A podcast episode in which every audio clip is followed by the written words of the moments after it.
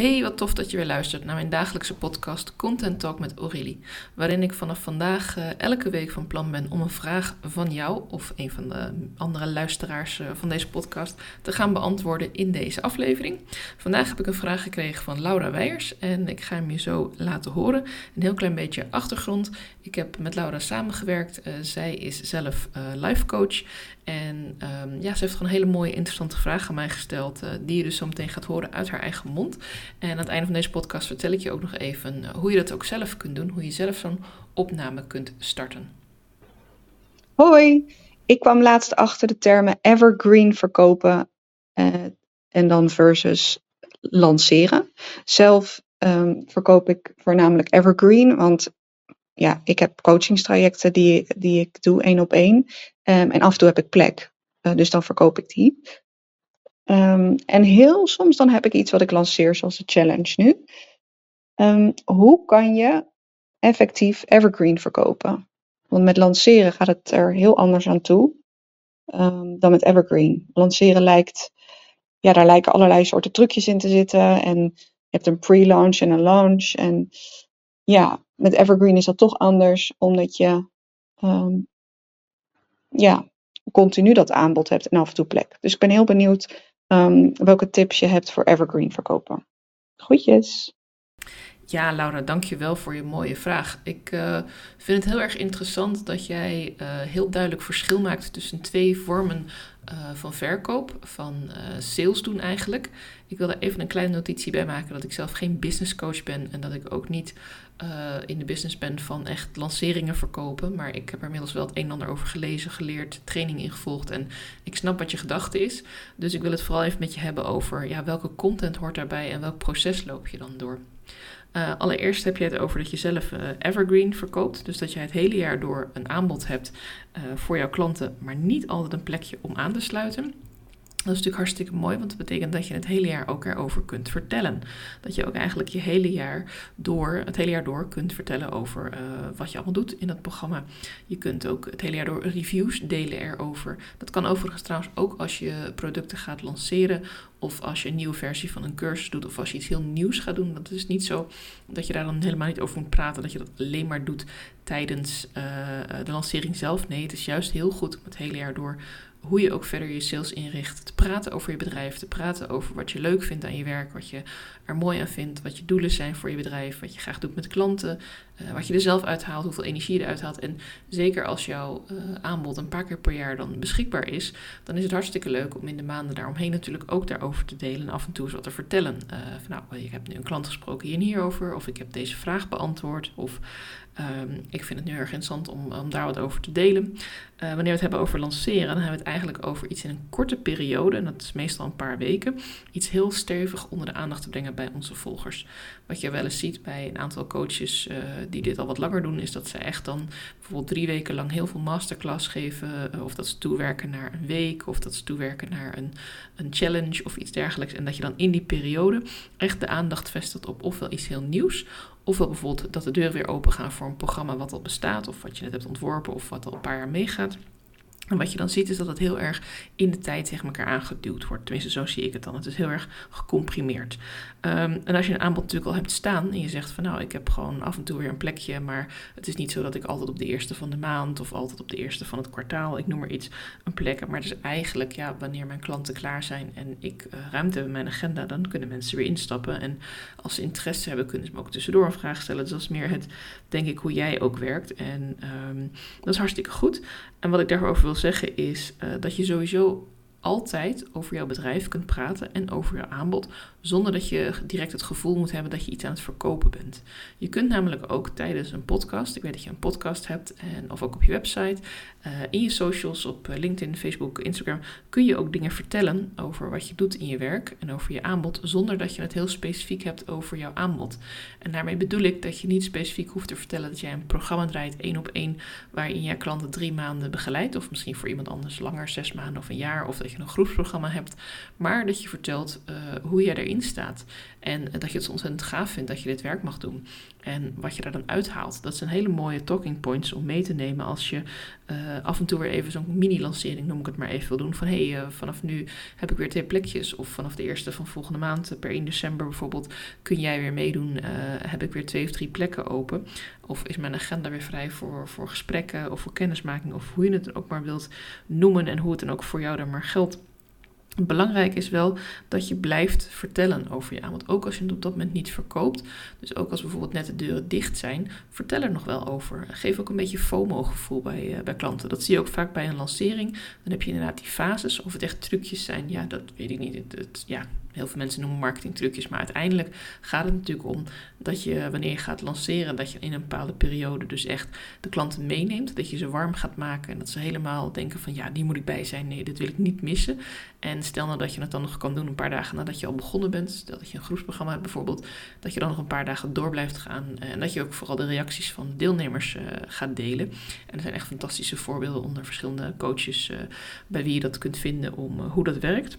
Natuurlijk wil ik het ook graag één op één met je over brainstormen, maar om het nu even algemeen te houden over deze vraag, wil ik vooral even benadrukken hoe je dat nou doet om wel over je aanbod te praten zonder uh, dat je nou echt de hele tijd hoeft te roepen van ik heb een aanbod of ik heb per dan en dan een plekje of je mag gewoon intekenen. Dat kun je altijd wel ergens onderaan zetten in je post. Het is altijd goed om een call to action te plaatsen. Maar als je bijvoorbeeld in een podcast uh, iets vertelt over je aanbod, over wat jij doet, of wat je, nou, misschien heb je verschillende programma's. Uh, misschien heb je net als Laura een groot programma waarin je één op één met mensen werkt. Maar het kan ook zijn dat je af en toe tussendoor wel mensen helpt met een losse vraag, of dat je sessies doet. Misschien doe jij een losse healing sessie en merk je dat de klanten na één sessie dan bijvoorbeeld instappen in een traject. En dat je zegt, nou, de eerste valt nu al onder jouw traject, want ik heb dan vijf sessies bijvoorbeeld en dit was dan nummer één. Um, dan is het niet zo heel erg de nadruk op dat je iets groots aan het verkopen bent, maar dan ben je echt de mensen aan het helpen, jouw klanten. En dan ben je ook aan het meedenken over, ja, wat heeft ze nou eigenlijk nodig? En dat kun je echt het hele jaar doen. Daar hoef je niet voor op dat moment een gaatje in je agenda te hebben of... Um, op dat moment een lancering te willen plannen. Um, en als je nou even geen plek hebt in je agenda om iemand bijvoorbeeld voor drie maanden te begeleiden, als je zegt van nou ik wil echt maar twee of drie of vier of hoeveel dan ook mensen tegelijk zo'n programma hebben, of ik heb een groep van maximaal zes deelnemers en ja, daar komt nummer zeven, nou daar wil ik wel over nadenken, maar eigenlijk wil ik niet dat die mensen die nu niet mee kunnen doen, of omdat ze te laat zijn, of omdat je echt hebt besloten nee, vijf of zes is echt mijn max, dan wil je die mensen natuurlijk wel warm houden in je netwerk. En dan kun je ze bijvoorbeeld op een mailinglijst zetten waar je af en toe gewoon wat tips deelt die je ook in je training deelt, maar dan gewoon net iets minder uitgebreid. En natuurlijk ook niet zo persoonlijk, want het blijft een mailtje. Je kunt ook een video sturen of een gepersonaliseerde podcast waarin je uh, je VIP-lijst kun je bijvoorbeeld noemen. Of uh, de mensen die interesse hebben, die jouw warme netwerk zijn, uh, die mogelijk ook klant kunnen worden, maar die misschien bij je eerste lancering of tijdens je eerste keer dat je je aanbod deed, waren ze misschien nog niet bekend met jou of zijn ze nog niet warm gedraaid. En die kun je natuurlijk het hele jaar dan bedienen met leuke posts, met leuke nieuwsbrieven, met filmpjes. Je kunt af en toe iets delen uit een uh, masterclass die je hebt gegeven. Van hey, ik kreeg vandaag een hele toffe vraag tijdens mijn masterclass en die wil ik graag met je delen. En dan leg je daar in een post of in een blog iets over uit. Want vergeet niet dat alles wat jij deelt binnen je training, natuurlijk kopen jouw klanten dat. Natuurlijk is dat ook echt voor jouw klanten. Maar je kunt er wel lessen uithalen. Je kunt er wel voorbeelden uittrekken. Je hoeft niet letterlijk te zeggen van Sophie stelde mij deze en deze vraag en daar heb ik ze zo op geantwoord. Je kan ook zeggen, nou in een discussie over met aandacht ergens aan werken, wij het gehad over focusminuten of, of een andere technologie, techniek die je gebruikt. Of we hebben het gehad over hoe je kan zorgen dat je omgeving rustig is, dat je niet afgeleid wordt door factoren om je heen.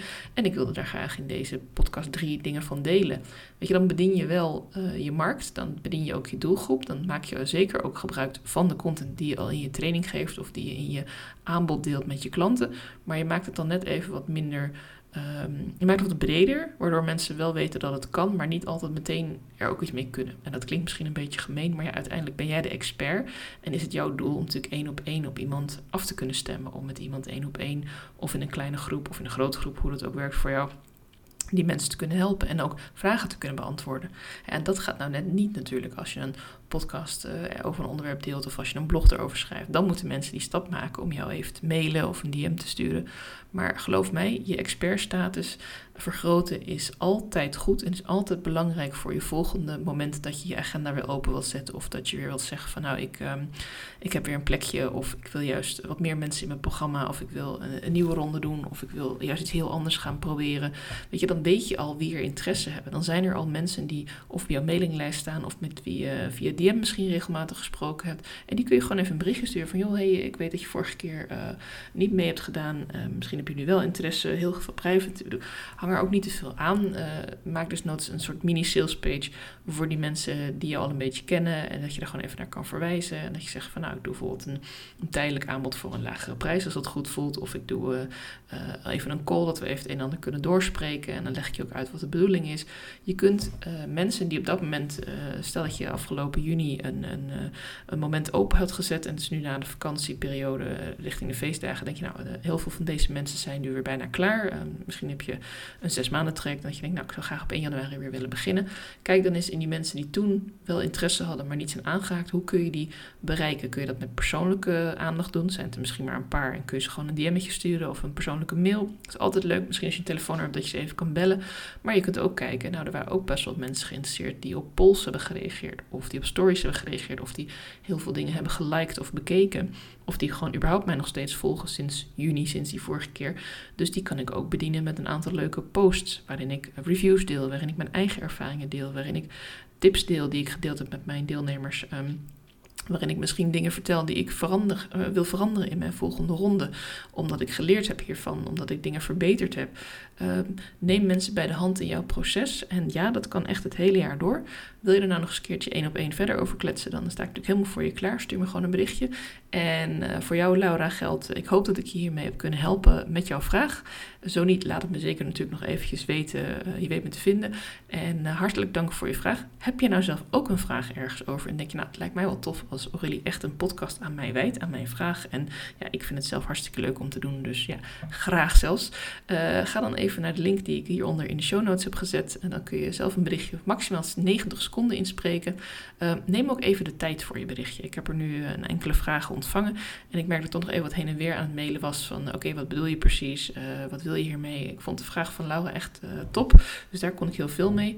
Um, maar het is wel belangrijk dat ik ook een klein beetje achtergrond weet van... Uh, oké, hoe bedoel je dit? En, en in welke omgeving werk je? Met wie werk je? Wat bied je aan? Dat soort zaken mag je er best bij noemen. Lukt het nou niet om dat in het berichtje te zetten... of wordt het daardoor een heel erg langdradig verhaal... mag je natuurlijk ook altijd even een mail of een DM sturen. Dan, weet je, het gaat er mij maar even om dat ik even snap waar ik je mee kan helpen... en dat ik niet een heel algemeen verhaal tegen je gehouden waar eigenlijk niet mee geholpen ben.